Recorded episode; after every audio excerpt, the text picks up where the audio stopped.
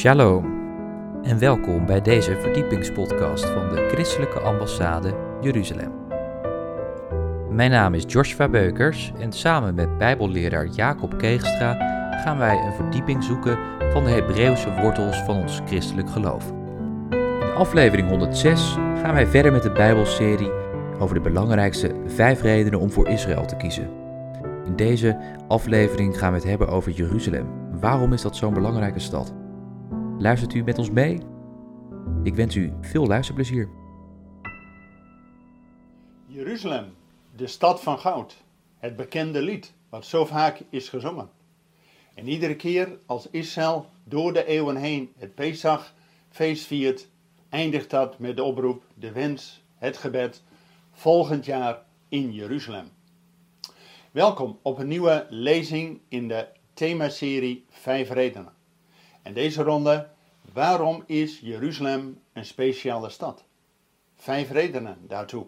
We kunnen natuurlijk nog veel meer uit de Bijbel halen, maar we willen concentreren op vijf belangrijkste onderdelen. Waarom is Jeruzalem een speciale stad? Allereerst en eigenlijk de enige reden is, God heeft Jeruzalem uitgekozen. En dat zullen we door de hele Bijbel heen zien. God heeft Jeruzalem uitgekozen eerst al bij Abraham.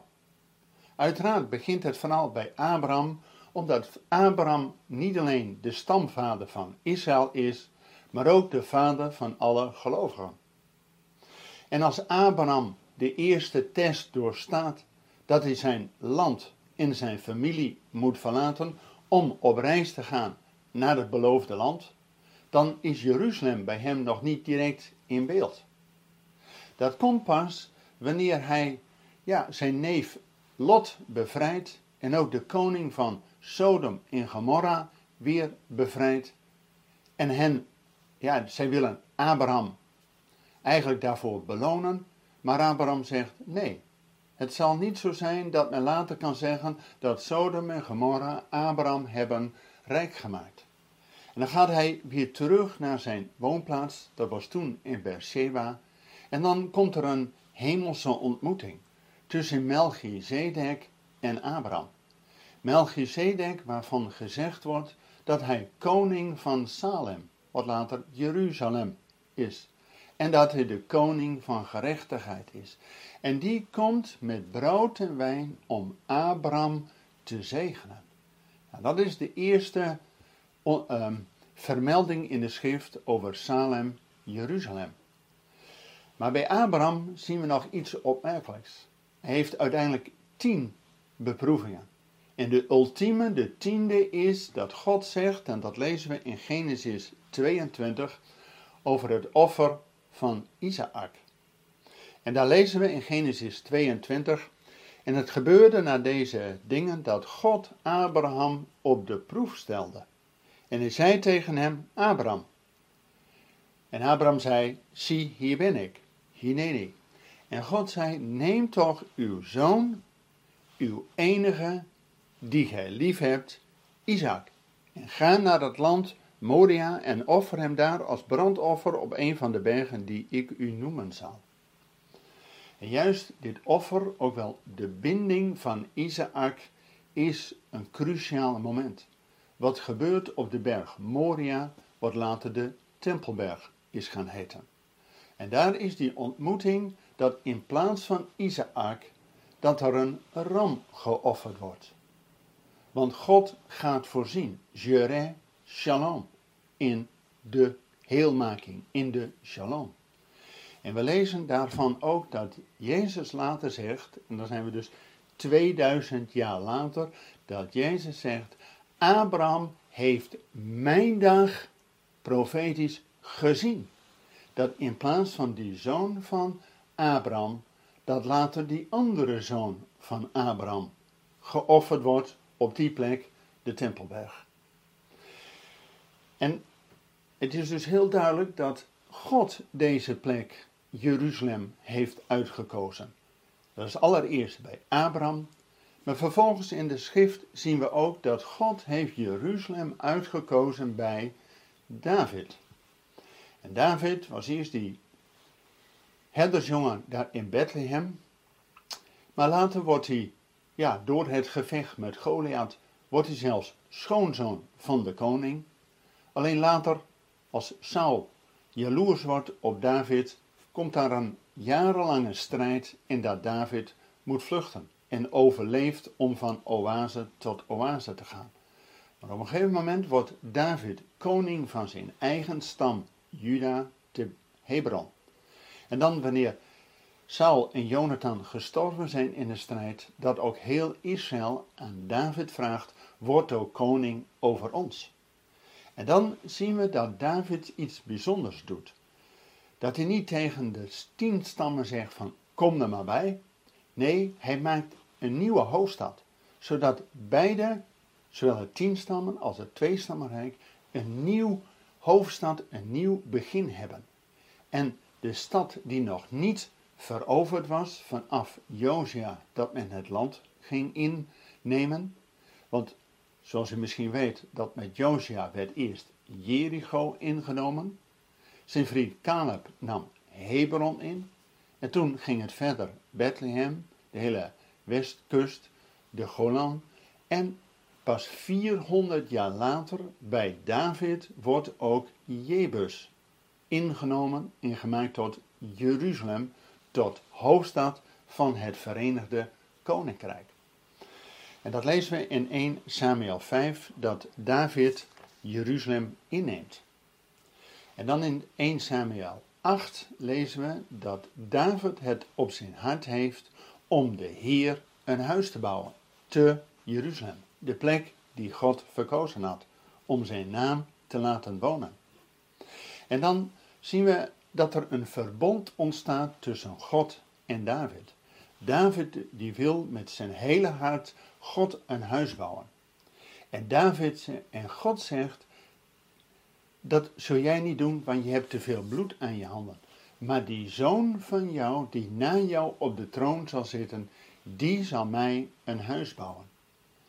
En God zal het huis van David bevestigen. En dat wil zeggen dat er steeds een koning uit het geslacht van David op de troon van Israël zal zitten. En die zoon van David, Salomo, Shalom, die bouwt de Heer een huis. Een huis van ontmoeting tussen God en zijn volk. Dus we zagen eerst al dat God heeft Jeruzalem uitgekozen bij Abraham om een offer te doen. En nu bij David zien we dat God Jeruzalem uitgekozen heeft als plek van ontmoeting. En dit gaat door, niet alleen in het Oude Testament, bij Abraham en David hebben we gezien, maar ook in het Nieuwe Testament. Daar wordt direct, Matthäus 1, wordt Jezus aangekondigd als zoon van Abraham en zoon van David. Dan zien we ook in de roeping van Jezus dat alles draait om Jeruzalem. Als we het Lucas-evangelie zien, het centrum van het Lucas-evangelie is een reisverhaal. Van Lucas 9 tot 19, dat Jezus zijn ogen richt op om naar Jeruzalem te gaan. Om daar zijn exodus, zijn uittocht te vervullen. En het hele verhaal van de roeping van Jezus draait om dood en opstanding. Maar niet in Nazareth of in Bethlehem, maar in Jeruzalem. En dat lezen we in Matthäus 27 en 28, het cruciale dat het kruis, dood en opstanding te Jeruzalem heeft plaatsgevonden. Dat is het offer wat nodig is geweest, zodat wij weer in de ontmoeting met God kunnen staan. En als we die lijn doortrekken, we zagen bij Abraham, dat is 2000 jaar voor Jezus. Dan David is 1000 jaar voor Jezus. Jezus is het jaar 0. Maar ook in die 2000 jaar daarna heeft God zijn volk de wereld door laten gaan en is nu bezig om zijn volk terug te brengen. We zien 1948 dat de staat Israël ontstaan is. En cruciaal hierin is 1967 dat Jeruzalem verenigd is onder de staat Israël. En dat is voor, uh, ja, een voorwaarde, maar ook een prelude, een vooraf, omdat God Jeruzalem heeft uitgekozen als een plek voor zijn volk, zodat zijn volk de Messias kan verwelkomen. En dat is reden nummer vier. Dat God zijn volk ja, een plek heeft bereid, zodat zijn volk de Messias kan verwelkomen. Maar we weten ook, zowel al bij David als bij Jezus, dat dat niet zo maar van 1, 2, 3 gaat. We weten al in het leven van David dat op het eind van zijn leven is er een strijd. Dan wil zijn zoon Absalom, die wil koning worden. En die gaat de confrontatie aan. Maar David wil niet vechten tegen zijn zoon. David vertrekt over de Olijfberg naar het overjordaanse. En op een gegeven moment komt er toch een strijd tussen de mannen van David en Absalom. En Absalom sterft. En dan lezen we het verhaal dat heel Israël vraagt weer aan David: Word weer koning over ons. Maar zijn eigen stam Juda en Jeruzalem nog niet. En dat lezen we in 2 Samuel 19, waar dan staat dat ook David boden uitzendt naar Jeruzalem. Hij zegt, bent u de laatste die uw koning welkom heet? Dat is in wezen al profetisch. Dat het uiteindelijk allemaal draait om Jeruzalem en wat die gaat doen. En dat lezen we ook bij Jezus. Dat Jezus is met zijn discipelen op de Olijfberg. En de discipelen zeggen tegen Jezus: Kijk eens naar die tempel, wat een geweldig iets, waar ze 40 jaar aan gebouwd hebben. En Jezus zegt: Het zal allemaal, ja, vernietigd worden. Geen steen zal op de ander overblijven. En Jeruzalem zal vertrapt worden door de heidenen. Totdat. Totdat ook Jeruzalem zegt: Gezegend hij die komt in de naam des Heren. Met andere woorden, het draait er allemaal om dat als Israël terug is in het land, dat is fase 1. Maar Gods geest moet nog over hen komen, zodat ze werkelijk weten wie hun Messias is en dat ze de rode loper uitleggen voor die Messias, die wij kennen als Jezus onze Heer. En tot slot, Reden nummer 5 is: God heeft Jeruzalem uitgekozen voor het koninkrijk van God. Uiteindelijk zien we dat niet alleen de Messias zal regeren te Jeruzalem, wat we lezen in Jesaja hoofdstuk 2, en dat er dan vrede zal zijn vanuit Jeruzalem over de wereld, en dat de volkeren de oorlog niet meer zullen leren, en dat zwaarden worden omgesmeed tot ploegijzers, bekende gedeelte uit Jesaja 2. Maar uiteindelijk gaat het ook om dat het hemelse Jeruzalem uit de hemel neerdaalt en dat God met zijn koninklijke stad hier onder ons is en regeert. Dat God wil bij zijn mensen wonen. En vandaar dat in deze vijf redenen de samenvatting is dat God heeft zijn stad Jeruzalem uitgekozen, dat we eerst via het offer die relatie met God herstellen en dat we uiteindelijk die ontmoeting met God mogen hebben. En dat God kon wonen onder zijn volk.